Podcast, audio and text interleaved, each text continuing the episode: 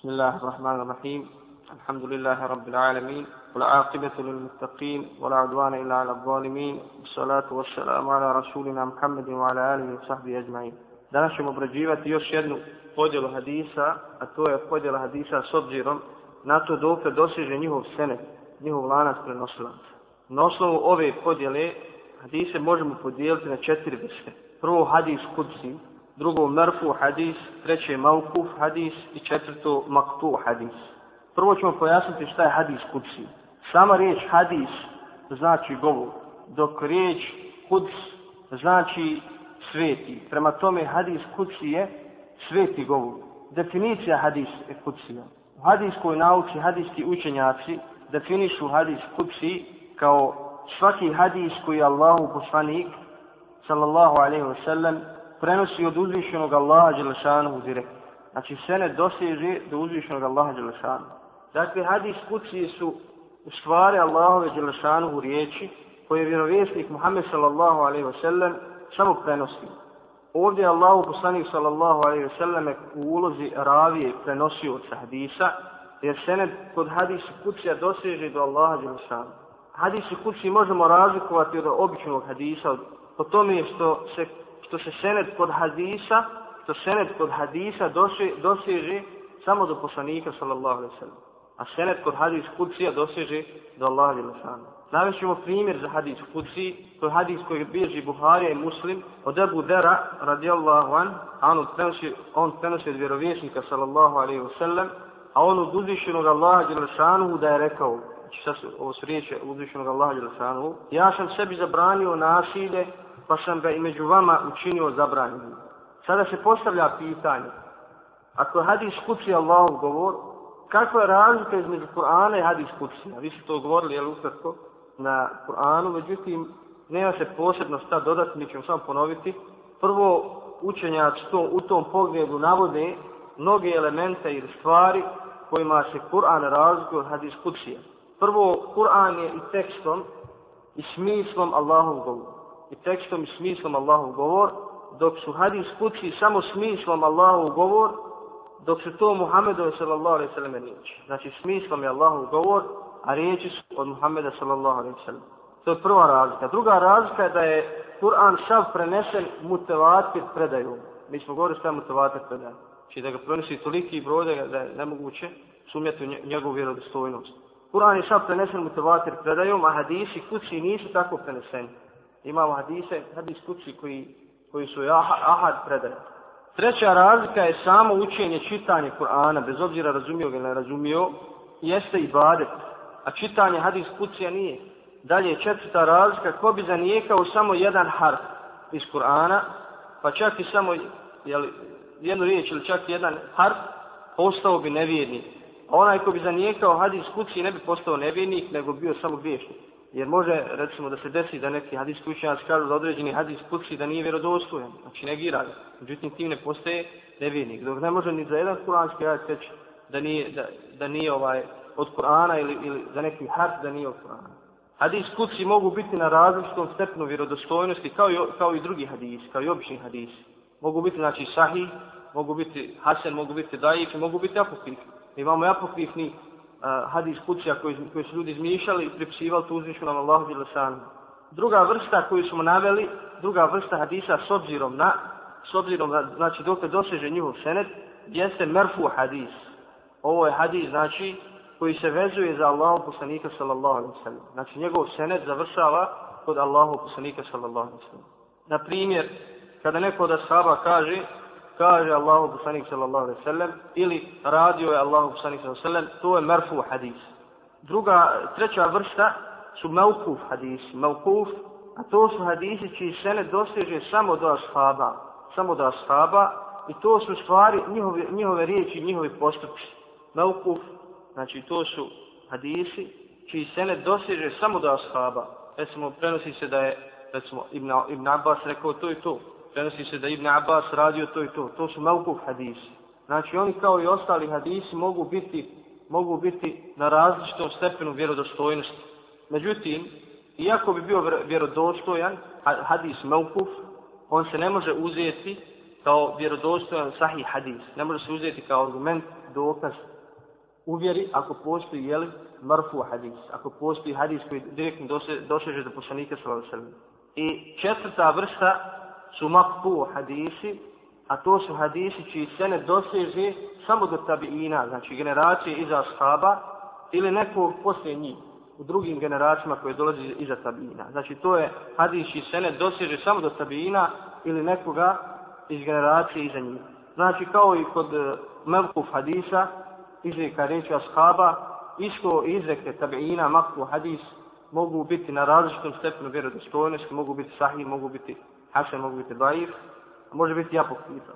Ovim završili podjela hadisa s obzirom, jel, do, dok je dosežimo šene, da prelazimo sada na drugu temu, a to je da li je sunet, da li je sunet samostalni izvor šerijeta, da li može biti sunet samostalni izvor šerijeta.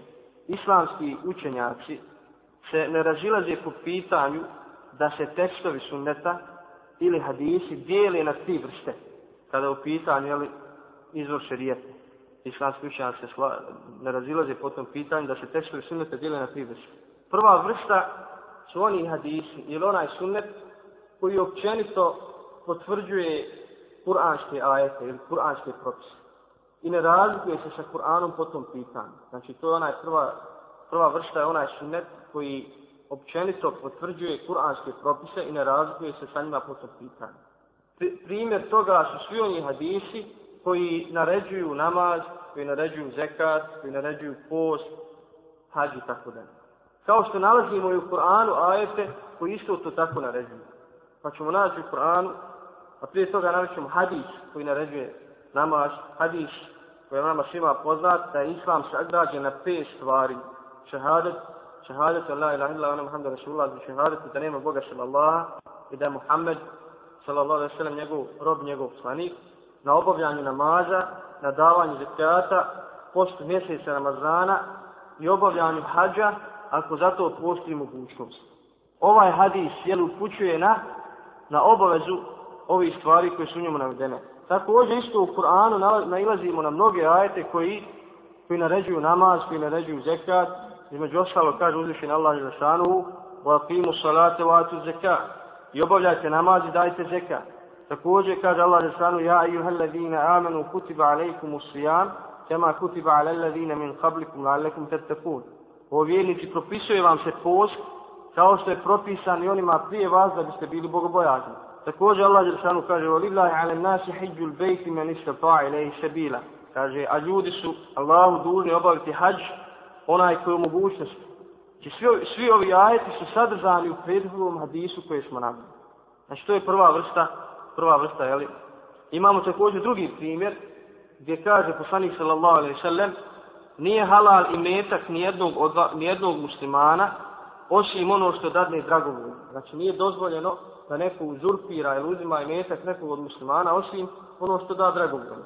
O, za ovaj hadis možemo naći potvrdu u kuranskim ajet, u kuranskom ajetu, kome Allah Đelešanu kaže, Ja iha ladina amanu, la ta'kuru amualakum bejnekum bil batil illa an takuna tijaratan an taradin min kaže Allah dželle šanuhu o vjernici jedni drugima na nedozvoljen način imetak ne prisvaja ne prisvaja ali dozvoljena vam je trgovina uz obostrani pristan uz obostrano zadovoljstvo. Znači ovaj kuranski ajet potvrđuje hadis koji su malo prije naveli. To je prva vrsta hadisa prva vrsta, prva vrsta sunneta. Druga vrsta su oni hadisi koji pojašnjavaju detaljno kuranske propise ili kuranske ajete koji su općenito navedeni u Kur'anu. To smo spominjali prethodno i to su svi hadisi koji detaljno pojašnjavaju propise hađa, propise namaza, propise zekijata i ostali jeli, propisa koji su općenito navedeni u Kur'anu. Znači u Kur'anu se naređuje namaz, naređuje se post, naređuje se zekat, ali ne, ne objašnjava se detaljno kako treba se obaviti. Zato imamo hadise koji su to detaljno pojasnili. To je druga vrsta sunneta, druga vrsta hadisa, znači oni koji detaljno pojašnjavaju općenite kuranske propise koji su navedeni u Kur'anu. I treća vrsta su oni hadisi koji dolaze sa propisom, sa novim propisom kojeg uopće ne nalazimo u Kur'anu. Na primjer, to su hadisi koji zabranjuju da čovjek, ili hadis koji zabranjuju da čovjek oženi ženu i njenu tetku zajedno. Znači to je po hadisu, po sunnetu zabranjeno. Znači se doženi ženu i njenu tetku s tim, a da može, ako mu umre žena prva, ili se razvede sa njom, da može oženiti njenu tetku. Ne može da u isto vrijeme oženi ženu i njenu tetku. Ili kamenovanje oženjene osobe koja počini zinalu. Kamenovanje oženjene osobe koja počini zinalu. Zato nemamo jeli, dokaza u Kur'anu. Tamo se navodi bićevanje za zinalučara i zinalučar. Međutim, u hadisu imamo da onaj koji je oženjen koji počini zinalu da se kamenuje do smrti. Također isto i nasljedstvo nasljedstvo nene, koji smo spomnjali u onom hadisu, u Kur'anu se ne navodi, međutim to je odredio jeli, hadis. Islamski učenjaci, kada je u pitanju, kada su u pitanju ove dvije prve vrste sunneta, ne razilaze se jel, po tom pitanju, znači svi to utvrđuju. Međutim, kada je u pitanju ova, ova treća vrsta, a to je onaj sunet koji dolazi s novim propisom koji ne postoji u Koranu, razilaze se jeli, na dva mišljenja. Većina islamskih hadijskih učenjaka su na stanovištu da sunnet može biti neovisan i samostalan šerijetski izvod. To je da sunnet može donijeti propis koji se ne nalazi u Kur'anu. To je znači većina islamskih učenjaka. S druge strane imamo, imam šafiju koji smatra da hadis ne može doći sa novim propisom, koji ne nalazi neko značenje, koji ne ulazi u značenje nekog kuranskog ajeta ili pravila. Znači, hadis, sunnet ne može doći sa nekim novim propisom koji nema jeli, neko značenje u kuranskom majetu ili ne ulazi pod neku kuransku pravilu. U suštini ne postoji razmoilaženje, ako pogledamo jel, detaljnije, vidjet ćemo da ne postoji razmoilaženje. Čak i ovi koji su drugog stanovišta, oni kažu da sunnet može doći sa novim propisom, međutim, da osnovu toga propisa, da se osnova toga propisa nalazi u Kur'anu, na osnovu kuranskih pravila ili na, ili na osnovu značenja određenih kuranskih ajeta. Oni koji su prvog mišljenja, prvog ili stanovišta, za dokaz uzimaju sljedeći. Kaže, ako pogledamo razumski, vidjet ćemo da ne postoji jeli, nikakva smetnja da sunet bude samostalan širijski izvod, to je da donese propise koji, koji nema u Kur'anu. Jer kaže poslanik sallallahu alejhi je sačuvan od, greš, od greške u prenošenju vjeri. Pa kako mu je dolazio Kur'an, kad tako mu je dolazio sunet. Kako, kako god nije mogao pogriješiti u prenošenju Kur'ana, tako nije mogao pogriješiti u prenošenju sunneta. Prema tome, sunnet može biti samostalan širijski izvod. Drugi dokaz prvog mišljenja su kuranski ajte koji upućuju na obavezu slijedjenja poslanika sallallahu alaihi sallam i ne pravi razliku između sunneta koji pojašnjava Kur'an i sunneta koji upućuje na neki samostalan propis. Znači, poslije kuranski ajte kada govore, jeli, vrati Allah, vrati Rasul, pokoravajte se Allah, pokoravajte se poslaniku. Ovi kuranski ajati ne pravi razliku između sunneta koji pojašnjava Kur'an i sunneta koji je došao sa samostalnim širijskim propisom. Znači obaveza pokoravati se u oba slučaja. Treći dokaz kaže, mnogi hadisi upućuju da, je šerija, da se šerijat sastoji iz dvije osnove. Da se šerijat sastoji iz dvije osnove, iz Kur'ana i sunneta. Pa ako se propis ne nađe u Kur'anu, onda se prelazi na sunnet, radi se sunnet. Kao što imamo dosta slučajeva a najpoznatiji slučaj Muad ibn Džebela kada ga je poslanik sallallahu alejhi ve sellem poslao u Jemen, kada je rekao kako će suditi ljudima, pa je rekao sudit ću po Allahovoj knjizi. Pa ako ne nađem Allahovoj knjizi, sudit ću po sunnetu Allahovog poslanika sallallahu alejhi ve sellem. Znači ovo je dokaz da sunnet može biti, da sunnet može doći sa samostalnim propisom koji se nalazi u Kur'anu. Također navodi za dokaz hadis od Allahovog poslanika sallallahu alejhi ve sellem kome stoji e, ubrzo će doći vrijeme da će neko od vas reći ovo je Allahova knjiga ono što je u njemu, u njoj halal ohalaljujemo, a ono što je u njoj haram oharamljujemo. Ako do nekoga od vas dopre hadis, pa ga ne prihvati, porekao je Allah Đelešanu i porekao njegova poslanika sallallahu alaihi sallam. Već nije prihvatio Allah Đelešanu i njegova poslanika sallallahu alaihi sallam. Drugo, oni koji smatraju da sunnet može doći sa novim propisom, ali da mora zato imati jele, osnove neke u Kur'anu, uzimaju za dokaz sljedeće, pa kažu da sunnet u svome značenju, sunnet u svome značenju, uvijek se vraća na Kur'an. I navode zato, jel, Kur'anski ajat u kome Allah Jelšanu kaže وَأَنْزَلْنَا إِلَيْكَ ذِكْرَ لِتُبَيِّنَ لِلنَّاسِ مَا نُزِّلَ إِلَيْهِ Pa kažu, mi ti objavljujemo zikr, pod zikrom se misli na sunnet, da bi, da bi objasnio ljudima ono što im se objavljuje i da bi oni razmislili. Znači, ovaj kuranski ajet u osnovi sadržava sve one propise s kojima dolazi sunet samostalno. Znači, ako dođe sunet samostalno sa propisom, neki ovaj kuranski ajet je upućuje na to. Znači, sunet dolazi da pojasni ljudima ono što se objašnjava u Kuranu. Prema tome, u suštini ne postoji nikakva razlika između prvog i drugog mišljenja. Prelazimo na sljedeću tematiku, a to je derogacija Kur'ana sunnetom i sunneta Kur'anom. Kod islamskih učenjaka nema razimo ilaženja kada u pitanju derogacije Kur'ana Kur'anom. To su učili iz Kur'ana, da Kur'an može derogirati Kur'an. Primjer zato su oni ajeti koje Allah Đeršanu prvo jeli, naređuje borbu vjernicima, pa makar bilo, bio jedan vjernik na desetorcu nevjernika. Poslije Allah Đeršanu olakšava, derogira ta ajet u kome naređuje da se bori jedan naspram dvojice. Znači ako bude dvojica nevjernika, na jednoj strani dužnost je vjernik da se bori ako je sam na drugoj strani. Također nema razmoilaženja da sunnet može derogirati sunnet. Ako je sunnet mutavatir, uslovljava se da i drugi sunnet bude mutavatir. Znači ne može ahad derogirati mutavatir. Ako je sunnet ahad, onda može biti derogiran i ahad i mutavatir predajama. Primjer za to su riječi Allahu poslanika sallallahu alaihi sallam kojima kaže kuntu nahitukum an zijarete kubur fazuruha fa innaha tudhakkiru al-akhir. Kaže poslanik sallallahu alaihi sallam bio sam vam zabranio posjetu kaburova, mezarima, kaže ali sad posjećujte jer ona je to posjeća na ahiret. Znači prva zabrana je derogirana dozvolu. Ono oko čega se islam slučajno se razišli, da li se da li Kur'an može derogirati sunnet i da li sunnet može derogirati Kur'an. Oko toga se islam slučajno se razišli. Prvo ćemo govoriti o derogaciji sunneta Kur'anom derogaciju sunneta Kur'anom. Većina islamskih učenjaka je na stanovištu da je dozvoljena takva derogacija, to jest da sunnet može biti derogiran Kur'anom. I zato postoji mnogi primjer. Prvi primjer je slučaj kada su muslimani učinili hijđru u Medinu. I nekoliko mjeseci, neki navode da je to 16 mjeseci, okretali su se u namazu prema samu, prema kudsu, prema Bejtu Maktisu. Međutim, u Kur'anu nemamo nigdje ajet gdje naređuje da se muslimani okreću prema Bejtu Maktisu. Znači, to je moglo biti samo sunnetom, naravno. Samo sunnetom poslanika, sallallahu alaihi sallam.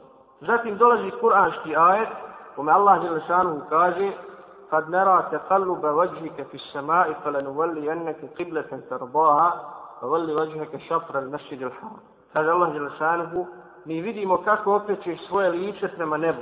I mi ćemo sigurno učiniti da se okrećeš prema strani koju ti želiš. Okreni zato svoje lice prema časnom pramu, prema časnoj kući. Znači, poslanik sa selem iščekivao da Allah Đelešanu objavu da, da se promijeni kibla. Pa zato kaže, mi vidimo kako ti svoje lice okrećeš prema nebu, iščekivao je objavu. Kaže, i mi ćemo sigurno učiniti da se okrećeš prema strani koju ti voliš. Jer poslanik selem težio pa da se, da se kibla, da se kibla ovaj, promijeni prema kabi. Kaže, zato okreni svoje lice prema časnom pravu. Ovo je kuranski ajet, derodirao je sunnet poslanika sa selema, to je bilo okretanje prema šamu. Znači, ovo je dokaz da, da Kur'an može derogirati sunnet. Također, primjer ugovora na Hudejbiji.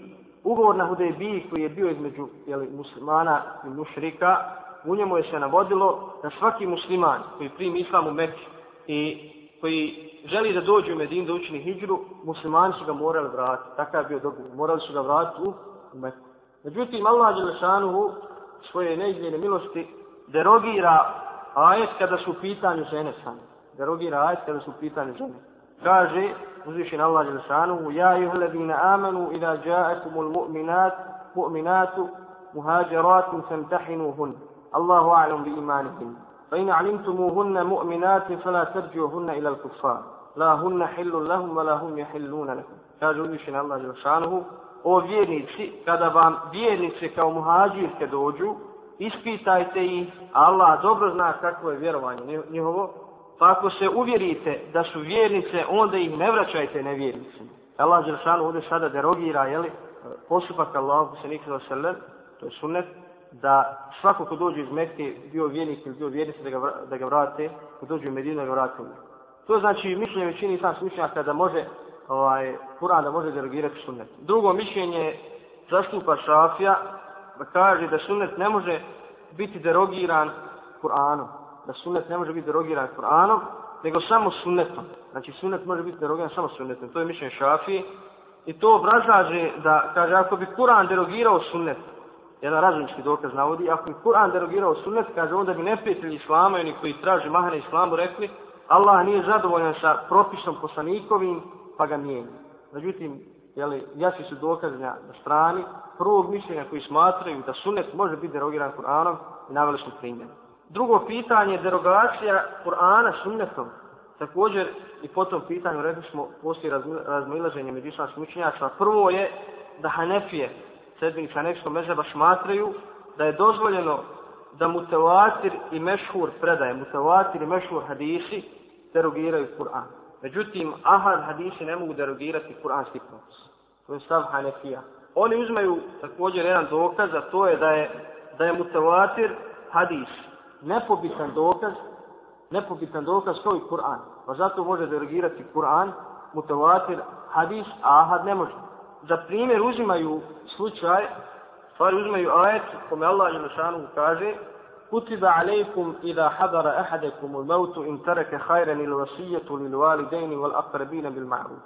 To je Kur'an šijat kome Allah Đelšanu kaže, kada neko od vas bude na samrti, ako ostavlja imetak za sebe, propisuje vam se kao obaveza za one koji se Allaha boje, da pravedno učini, učinite oporuku roditeljima i bližnjima. Znači u ovom kuranskom ajetu je dozvoljeno da čovjek pri te smrti da oporuči dio svoga imetka roditeljima i bližnjima.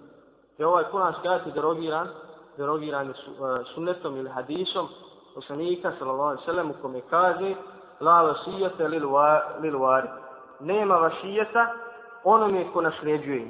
Nema oporuke i nema vasijeta nasljednika. Znači nije dozvoljeno da onome ko nasljeđuje po, po šerijskim propisima nasljeđuje metak, da mu se da, da mu se oporuka, da mu se još oporukom da nešto metak. Znači njegovi dio koju mu je Kur'an i Sunnet odredio. Znači nije dozvoljeno mu se da oporuka. Znači prema tome ovaj hadis se derogirao ajet. Drugo, većina islamskih učenjaka je na stanovištu da se Kur'an ne može derogirati sunnetom. Da se Kur'an ne može derogirati sunnetom, bez obzira bili ahad ili mutavatir hadis. Oni uzmaju za dokaz Allahu Đelešanu riječi kojima kaže ma nensah min ajetin au nunsiha, nunsiha ne'ti bi hajri minha u mitliha. Kaže Allah Đelešanuhu, mi ni jedan propis ne promijenimo, niti ga u zaborav potisnemo, a da bolji od njega ili sličan njemu ne donesemo. Kaže, oni jel obrazlažu ovaj ajet, svoje mišljenje pokažu, sunnet nije kao Kur'an. Znači u ovom ajetu se kaže, mi, ne, e, mi nijedan propis ne promijenimo, niti ga u zaborav potisnemo, a da bolji od njega ili sličan njemu ne donesemo. Oni kažu, Kur'an nije niti sličan Kur'anu, niti je bolji od njega. Kaže, prema tome, sunnet nije sličan Kur'anu, niti je bolji od njega, prema tome sunnet ne može derogirati Kur'an. Također navode, također navode primjer da neprijatelj Islama i na taj način lakše je li ovaj, potvorili poslanika sallallahu alaihi sallam da izmišlja i da laže. Jer kažu, kaže Allah Đelešanuhu, أعوذ بالله من الشيطان الرجيم وإذا بدلنا آية مكان آية والله أعلم بما ينزل kalu innama ente mufta. Kada kaže, kada mi jedan ajet dokinemo drugim, Allah najbolje zna šta objavljuje, oni govore, to jest nevjerni su mušlici, ti samo izmišljaš, a nije tako, nego većina njih ne zna. Kaže Allah Želešanu dalje, Kul nezelahu ruhul kudusi mir rabbika bil haq. Reci od gospodara tvoga objavljuje ga melek Džibril kao istinu.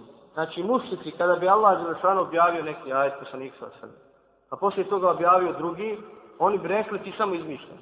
Sad kažeš ovako sad ovo. Či to, na, na taj način su prasu mahnu islamu.